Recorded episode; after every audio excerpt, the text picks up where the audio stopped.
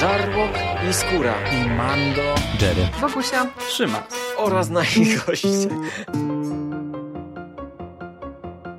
Konglomerat podcastowy. Wasze ulubione podcasty w jednym miejscu. Zapraszamy. Zapraszamy. Zapraszamy. zapraszamy. Zapraszamy.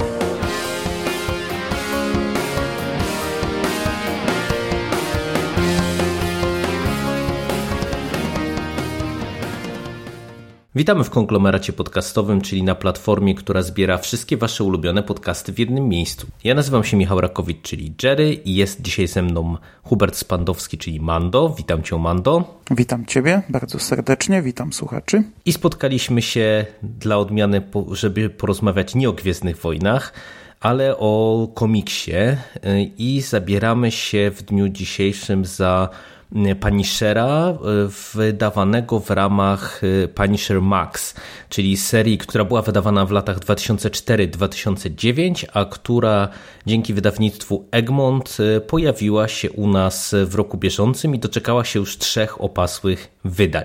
Zanim jednak przejdziemy do samego komiksu, naszego dania głównego, to parę słów wstępu. Chcielibyśmy zacząć od takiej notki krótkiej autobiograficznej i powiedz mi Mando, czy ty Punishera w ogóle czytałeś wcześniej, lubisz Punishera, znasz tę postać, jak to z tobą jest, jeżeli chodzi o Franka Castle? No, ja już o tym mówiłem trochę podczas naszego nagrania nie, da, nie tak dawnego z Sikiem, gdzie omawialiśmy serial od Netflixa.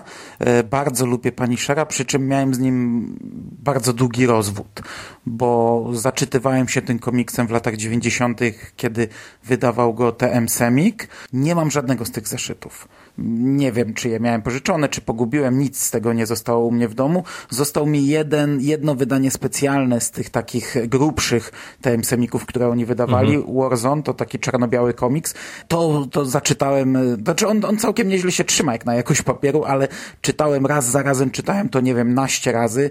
W tamtym okresie, gdy rysowałem sam komiksy, gdy się w to bawiłem, to, to był to jeden z wielu, który służył mi za wzór, żeby tam gdzieś tam jakieś rzeczy odwzorowywać i nawet ostatnio myślałem, czy do niego nie wrócić, bo naprawdę miałem bardzo długi rozwód, a ostatnio między innymi przez Netflixa trochę zachciało mi się powrócić do, do, do Punishera. Oczywiście, no mam te tomy, które były wydawane w ramach wielkiej kolekcji komiksów Marvela i nawet chyba po drugim Daredevilu właśnie gdy znów taki, wiesz, głód się obudził, to sięgnąłem mhm. po te kilka komiksów i je przeczytałem. No ale teraz właśnie pierwszy raz po, po tak długim okresie sięgnąłem po jakąś większą dawkę Punishera właśnie dzięki Egmontowi. No u mnie droga była w sumie dosyć podobna, bo ja pamiętam, że jak był ten boom w latach 90. na komiksy superbohaterskie, to ja i też o tym już wspominałem w jakimś jednym z wcześniejszych podcastów naszych komiksowych. Tak naprawdę najbardziej ukochałem dwa tytuły: Punishera i Batmana. I to się wydaje dosyć w sumie dziwne, no bo Punisher to jest jedna z tych postaci, która no nie jest specjalnie przyjemna w odbiorze i no to nie jest postać, która jest, nie wiem, sympatyczna i która nie jest takim, wiesz, typowym bohaterem, no ale jakoś ta, że tak powiem, brutalność tego świata przedstawionego i sama postać Franka Castle dosyć do mnie mocno za dzieciaka trafiła. I ja z samą postacią miałem bardzo długi rozbrat, bo właśnie po tym okresie TM Semikowskim, no to wiesz, to kojarzyłem tę postać tak naprawdę tylko z ekranizacji, które no są różne, najdelikatniej rzecz ujmując.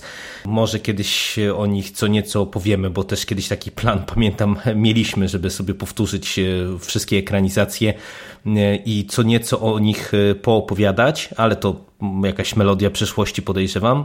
Również sięgnąłem po te komiksy z wielkiej kolekcji komiksów Marvela i to są komiksy o tyle istotne w kontekście dzisiejszego podcastu, że to jest także komiks autorstwa Enisa, Garta Enisa, który no, jest autorem, scenarzystą właśnie tej serii Punisher Max i on tę, tę pierwszą przygodę z Franken Castle zaliczył w latach 2000 2000-2001 i między innymi właśnie otwarcie taką 12-zeszytową, długą, zamkniętą historię Welcome Back Frank wydało, wydała wielka kolekcja komiksów Marvela.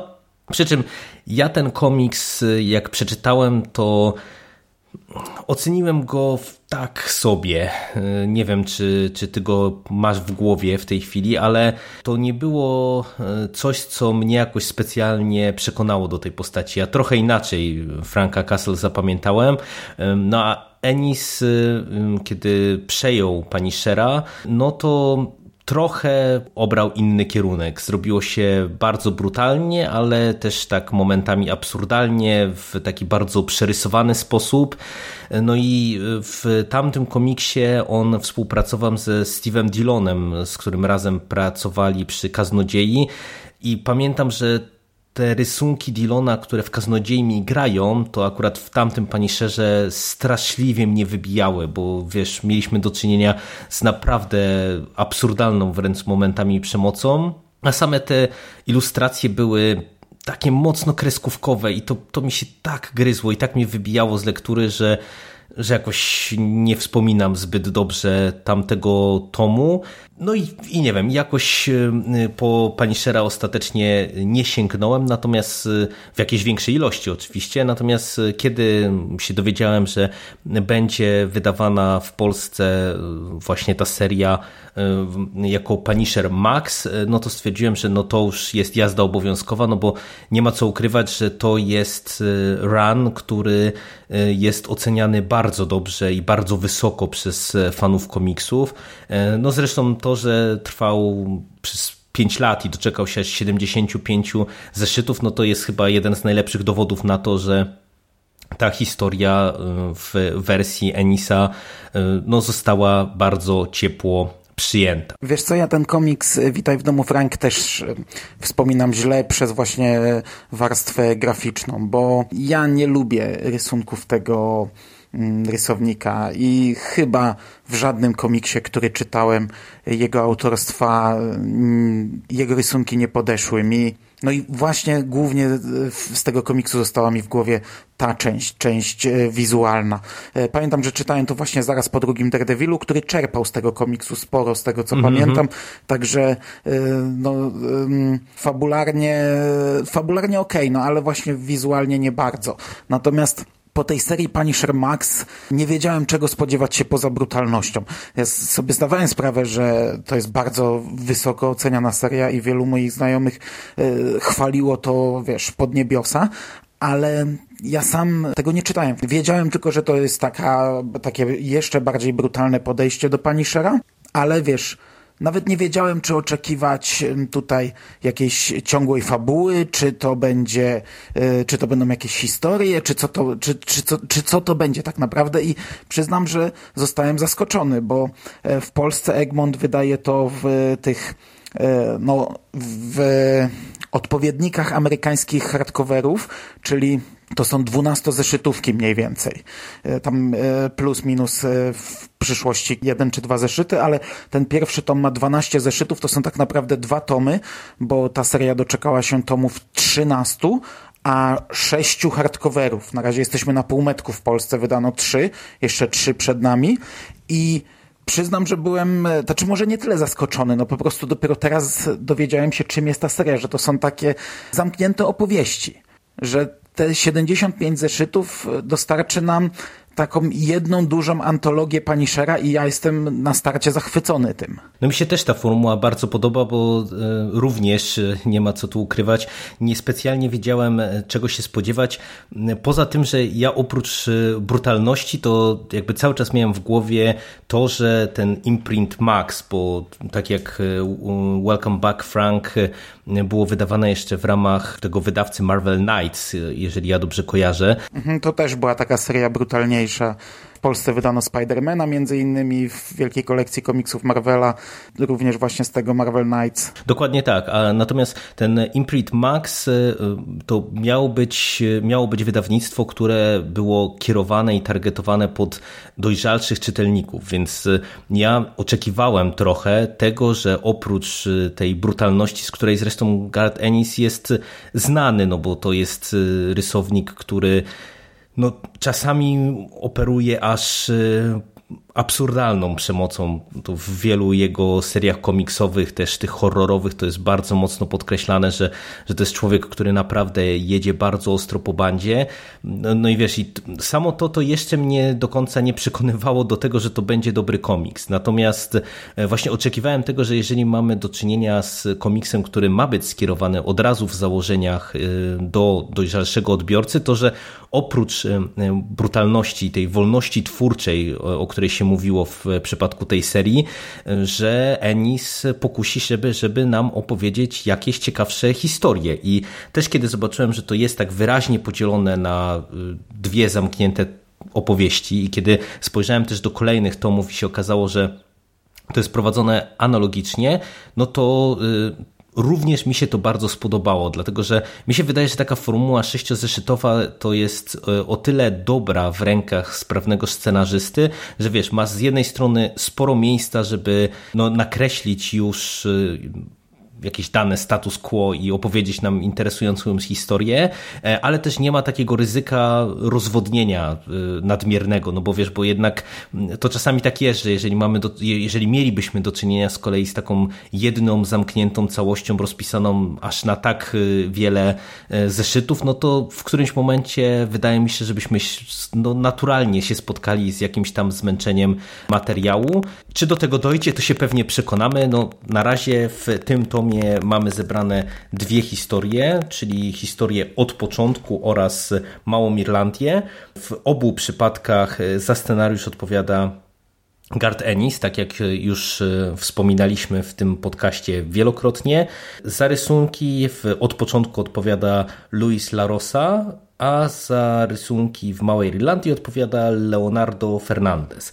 I to w sumie też jest od razu interesujące, że tak jak rozmawialiśmy przed nagraniem chwilę, że te opowieści są też od razu rysowane przez różnych twórców, no co też w sumie z jednej strony podbudowuje, można powiedzieć, takie wrażenie antologii, ale też jest fajne, bo ty chyba też jesteś fanem różnych stylów komiksowych. Ja bardzo coś takiego lubię. To znaczy, jeśli jest jakaś ciągła seria, ciągła fabuła, no to lepiej jak to pozostaje spójne, ale też nie mam problemu z tym, jak nagle się gdzieś tam wybije, no bo w tym przemyśle raczej rzadko e, mamy do czynienia z, z jakąś, wiesz, wielo tomową, zamkniętą serią e, tworzoną od początku do końca przez e, tego samego rysownika. Natomiast w przypadku takiej formuły, czyli e, zamkniętych opowieści, to ja jestem fanem.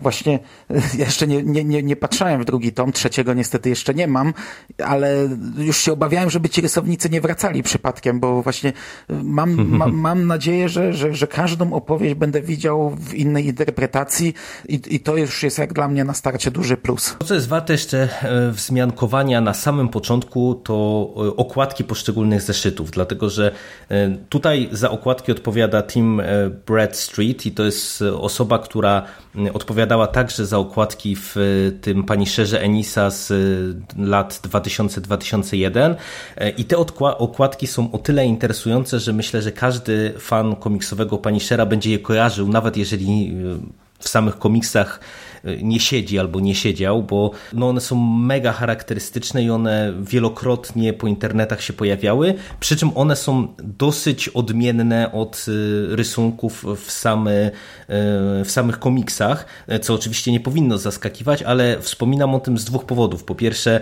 mm, one też odpowiadały za taki mój zawód, jeżeli chodzi o Welcome Back Frank, bo pamiętam, że jak widziałem te okładki zeszytów i później otwierałem grafiki Dylona, to aż aż mnie trzęsło.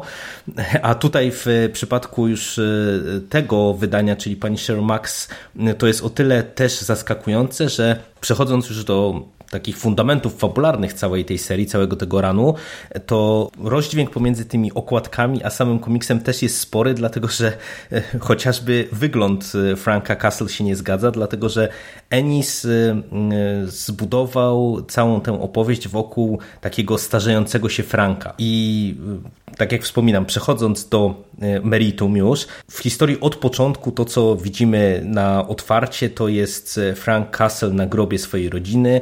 Widzimy tutaj, że oni zmarli w 76 roku.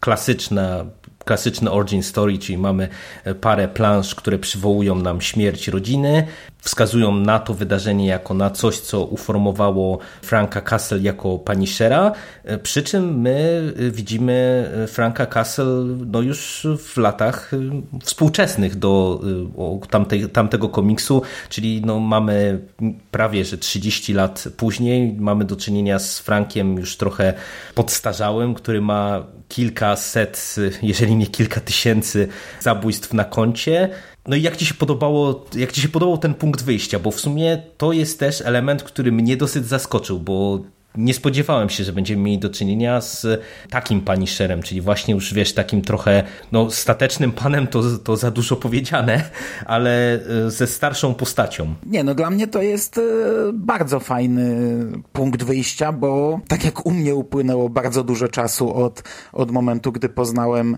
e, paniszera i to tak około dwudziestu, dwudziestu paru lat. Tak teraz, gdy wracam do tej postaci po tych dwudziestu paru latach, widzę e, faceta, w, w którego życiu też upłynęło kilkadziesiąt lat i mamy do czynienia już e, z, z wiekowym człowiekiem. Tutaj w pewnym momencie Mike rozwraca się do niego że, i mówi mu, że jego syn miałby w tym momencie 33 lata, bodajże jego córka również tam gdzieś między 30 a 40, że mógłbyś być już dziadkiem, e, ale Punisher tutaj Frank wygląda kapitalnie. To jest taki, taki niemalże slasherowy killer już. Całe ciało w bliznach, twarz taka poraniona, milczący. Gdy się odezwie, to, to, to, to czuć ciary. Bardzo mi się podoba ten punkt wyjścia do fabuły. A zaznaczyć też wypada, że ten, ta pierwsza historia jest e, taką bardzo spójną opowieścią, i ja przyznam, że gdy sięgnąłem po ten tom, a jeszcze raz podkreślę, jest to bardzo gruby tom, e, bardzo często przy komiksach mam coś takiego, przy komiksach superbohaterskich, przy takich masówkach, mam coś takiego, że jednak męczę się czytając, że wiesz, cały czas patrzę, dobra, przeczytałem już dwa zeszyty, jeszcze trzy, nie?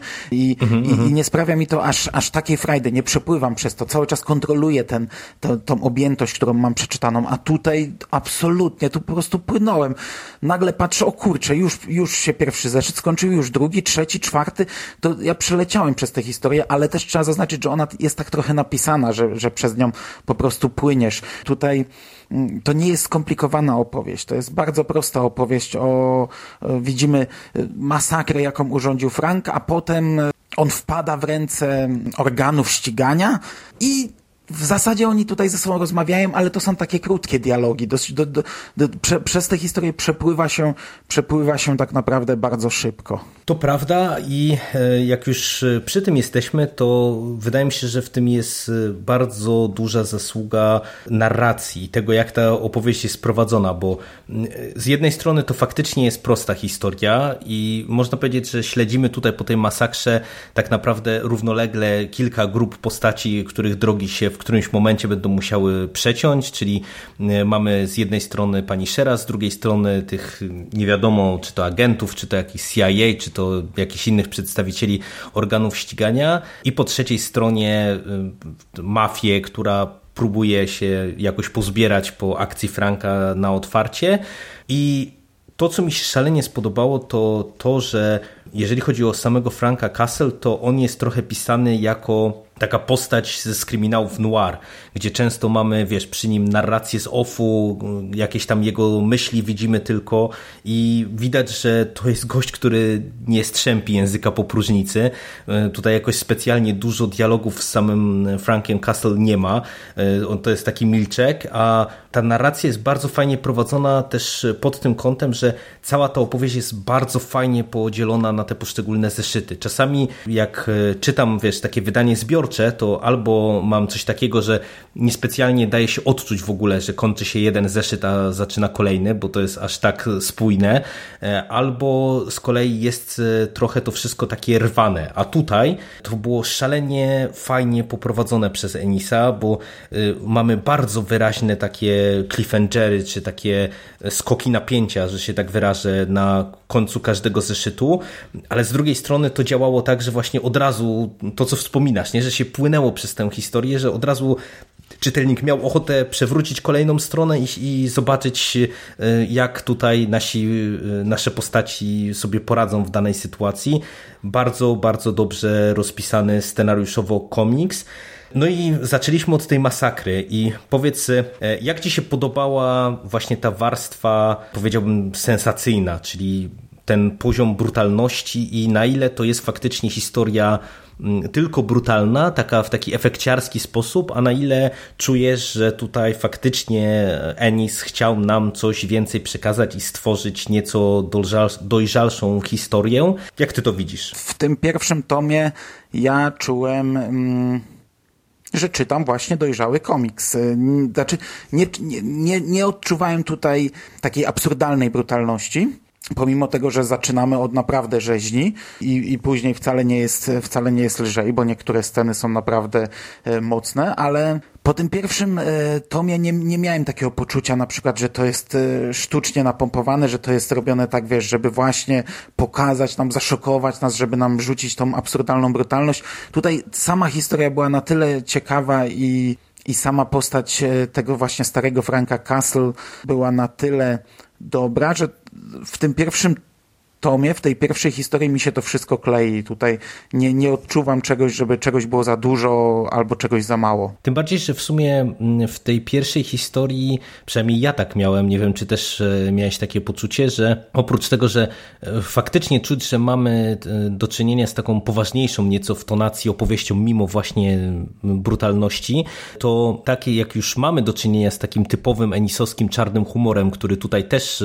występuje, to to y, nie było coś, co czytelnika wybija z lektury, bo jeżeli na przykład ktoś ze słuchaczy kojarzy właśnie Welcome Back Frank chociażby, to tam często ten e, czarny humor taki był, powiedziałbym, bardzo mocno po bandzie, albo te dowcipy były najniższych lotów, a tutaj e, oczywiście no, Ennis nie byłby sobą, gdyby nie przemycił do całej tej historii dawki smoliście czarnego humoru, ale y, ja absolutnie nie, nie miałem takiego poczucia, że wiesz, że coś tu nie gra, tylko jeżeli się pojawiały jakieś mhm, takie mhm. humorystyczne stenki, to to faktycznie też y, działało tak, jak powinno, że się tak wyrażę. No ale tutaj y, największa zasługa według mnie jest rysunków, bo no, one są tak dobre i, i, i cała kolorystyka tego komiksu i tak dopasowane do tej opowieści, że, że między innymi dlatego to jest wszystko właśnie takie fajne, spójne. Mamy tutaj zarówno takie trochę przerysowane, bo niektóre twarze są troszeczkę przerysowane, chociażby mm -hmm, tego policjanta, tak, tak. który tam e, kończy w, w bardzo ciężki sposób, ale na przykład ta prostytutka, z którą tam rozmawia w pewnym momencie, e, ta podstarzała taka, taka burdel mama, starsza pani prostytutka, z którą rozmawia Frank, no strasznie fajnie narysowana i bardzo dobrze pokolorowana. Tutaj są takie drobiazgi, takie rozmycia gdzieś tam w, w tle. Cała scena przesłuchania, gdzie się Frank siedzi w tym ciemnym pokoju, a Mike z nim, z nim rozmawia. To jest rewelacyjna rzecz. Jest doskonale graficznej. narysowana i to są postacie, które są e, w niebieskich barwach, e, na czarnym tle, takim porysowanym czarnym tle, takim jakby podrapanym i czasami e, tam taka jakby poświata na nich jest, tak jakby wziąć, nie wiem, palcem rozmazać je, je lekko i to, to, to tak doskonale wygląda, ale kurczę tutaj ja nie widzę złych stron pod kątem tej właśnie warstwy graficznej bo każda postać jest narysowana doskonale. Gdy mamy tę policjantkę O'Brien, która jest taką, taką babeczką wulgarną, która tylko gada o tym, jak tam się zrobi jej mokro, jak lubi wielkie penisy i, i tak dalej, to ona też mm -hmm. wygląda tak, tak świetnie, ma taką fajną mimikę, że to po prostu się kupuje taką postać, pomimo, że to jest taka postać e, no dość mocno przerysowana. Nie wiem, nigdy nie poznałem kobiety mówiącej w tak, w, w tak otwarty sposób w życiu, w życiu prywatnym. A tutaj patrzysz i ją kupujesz. No to, to, to jest taka bohaterka tym bardziej, że na przykład jak już wspomniałeś o tej postaci, to w pierwszej chwili y, tutaj jakby mi się pojawiła taka delikatna rysa, bo zacząłem mieć obawy, czy Ennis tutaj nie przegnie z nią, ale na przykład jedna scena, tak, gdzie ona podsłuchuje pod drzwiami w, w trakcie rozmowy Franka z Micro, to jakby puenta tej sekwencji to, to było tak dobrze zrobione przez Enisa i tak nam dużo powiedziało też e, o tej postaci, że e, ja w tym momencie e, od razu porzuciłem wszelkie obawy, bo stwierdziłem, że właśnie mimo tego przerysowania to widać, że Enis wiedział co, co robi, wiedział jak chce tą, tę postać napisać, wiedział jaką drogę ona też ma przejść w tym komiksie i to było całkiem fajnie też z mojej strony właśnie poprowadzone.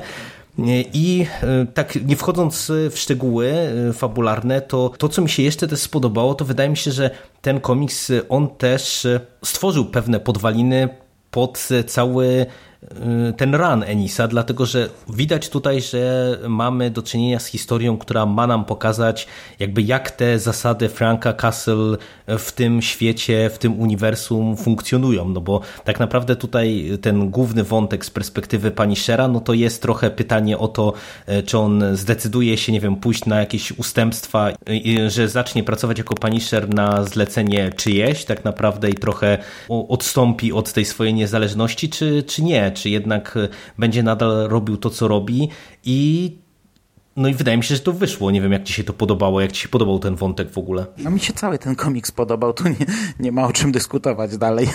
cały ten komiks jest doskonały moim zdaniem i to idealne otwarcie. No to jak żeśmy tutaj bardzo pochwalili e, całą tą, tę pierwszą sześciozeszytówkę, no to możemy się zabrać za drugą opowieść w tym tomie, czyli Małą Irlandię. Za rysunki odpowiada Leonardo Fernandez. To, co wspominaliśmy, rysownik się nam zmienił i może zacznijmy w, od, od tej warstwy e, graficznej, bo miałem takie poczucie, że z jednej strony widać, że te rysunki są odmienne od tego, co dostaliśmy e, w tej pierwszej opowieści, ale że to jest na tyle fajnie i spójnie poprowadzone, że też nie miałem takiego dysonansu, że wiesz, e, przewracam stronę i nagle czytam zupełnie inny komiks. E, widać, że to gdzieś tam stylistycznie i koncepcyjnie jest cały czas dosyć spójna opowieść. Nie wiem, te rysunki w Małej Irlandii też Ci się podobały?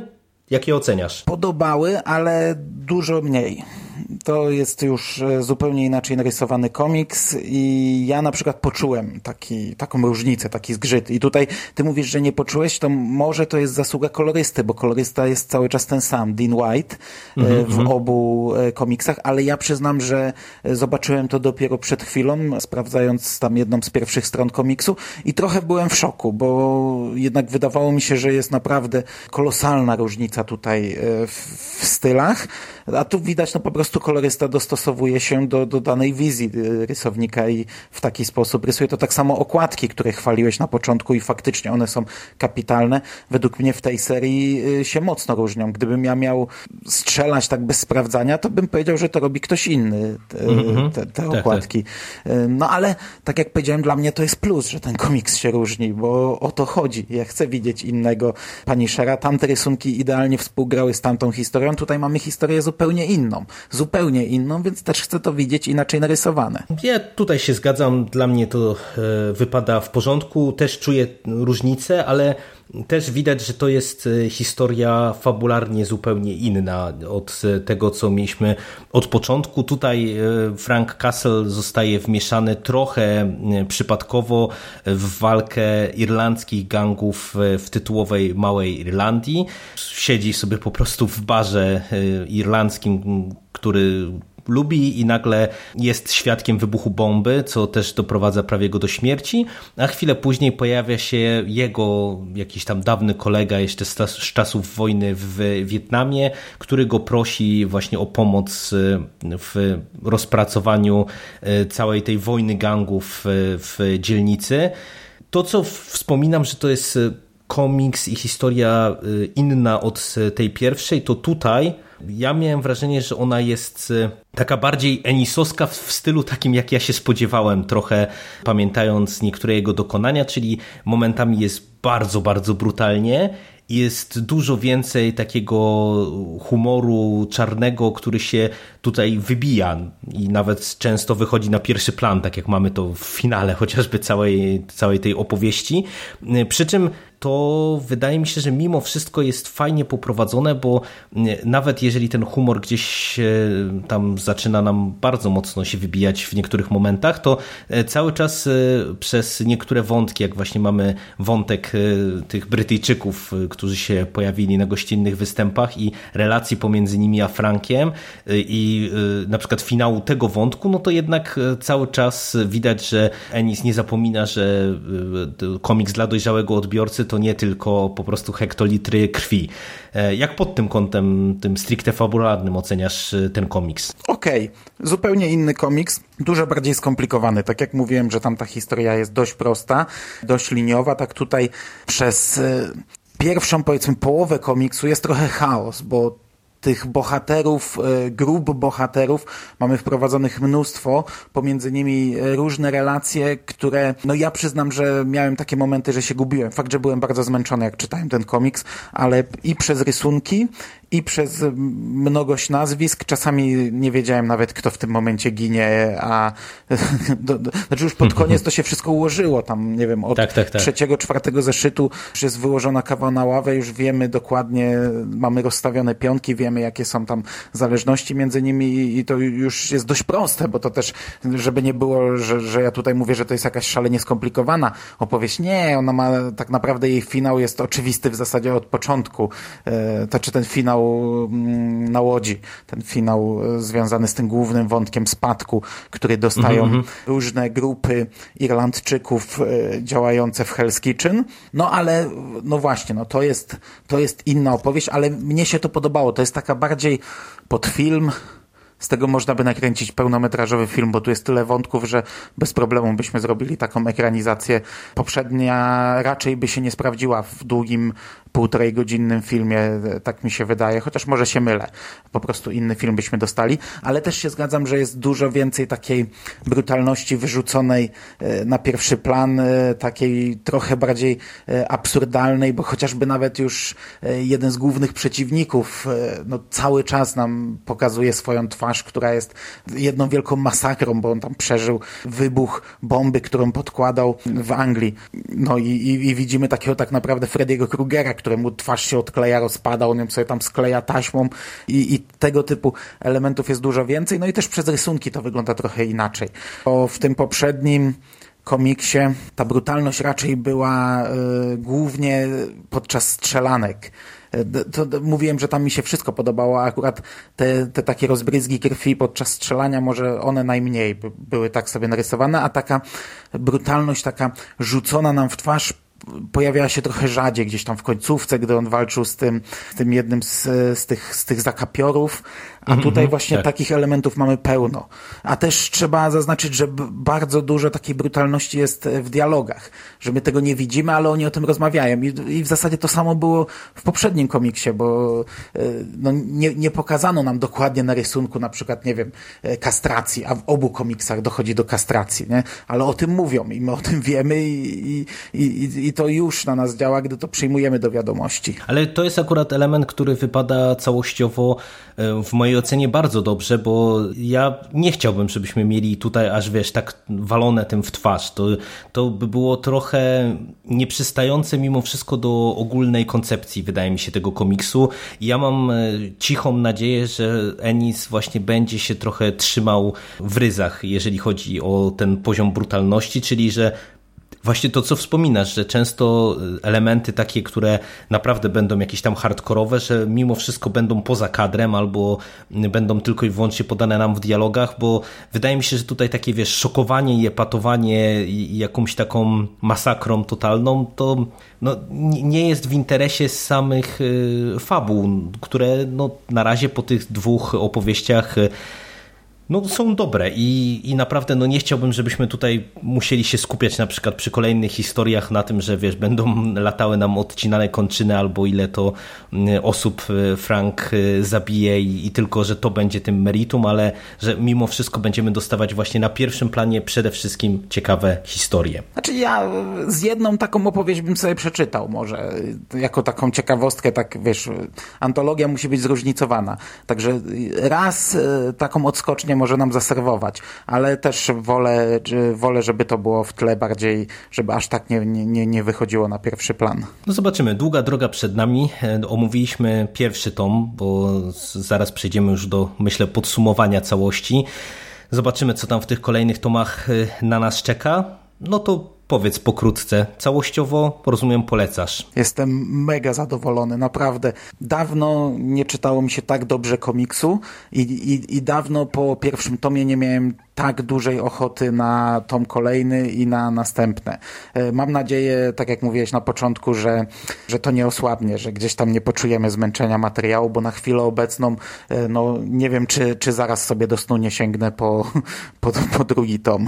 No ja mam bardzo podobne wrażenie. Też jestem bardzo, bardzo pozytywnie może nawet nie tyle zaskoczony, co ukontentowany tym, co otrzymałem. Naprawdę ja miałem wysokie oczekiwania w stosunku do tego komiksu, no bo on obrósł jakąś taką legendą, y, można powiedzieć, jeżeli chodzi o y, ten światek komiksowy i jest uznawane, uznawany dosyć powszechnie za rzecz naprawdę bardzo dobrą.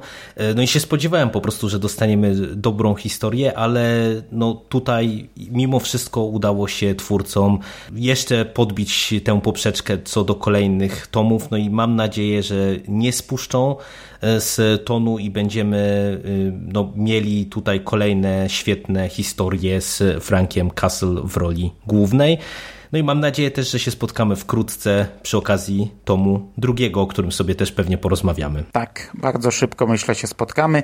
Kupujcie, jeśli jeszcze nie kupiliście, bo te komiksy długo się nie utrzymają e, w sklepach, a naprawdę warto. To jest troszkę droższy komiks, ale ta cena nie jest aż tak duża, e, biorąc pod uwagę jego objętość i zawartość, jaką dostajemy. Naprawdę warto ten komiks mieć w swojej kolekcji i myślę, że tak jak powiedziałeś, w ciągu kilku dni pewnie pewnie omówimy tom drugi y, i, i pewnie tom trzeci, przy czym już wtedy na pewno wyjdzie nam krótko, bo dzisiaj też miało być krótko, a wyszło jak zawsze. No, ale y, tak jak mówisz, pewnie jak się pozbędziemy właśnie mety i, hist i historii z przeszłości, to, to już te y, kolejne podcasty pewnie będą nieco zwarte, nieco bardziej zwarte. Za dzisiaj bardzo Ci dziękuję, za dzisiejszą rozmowę. Dziękujemy słuchaczom. Dziękuję również. I do usłyszenia wkrótce. Cześć. Dzięki, cześć.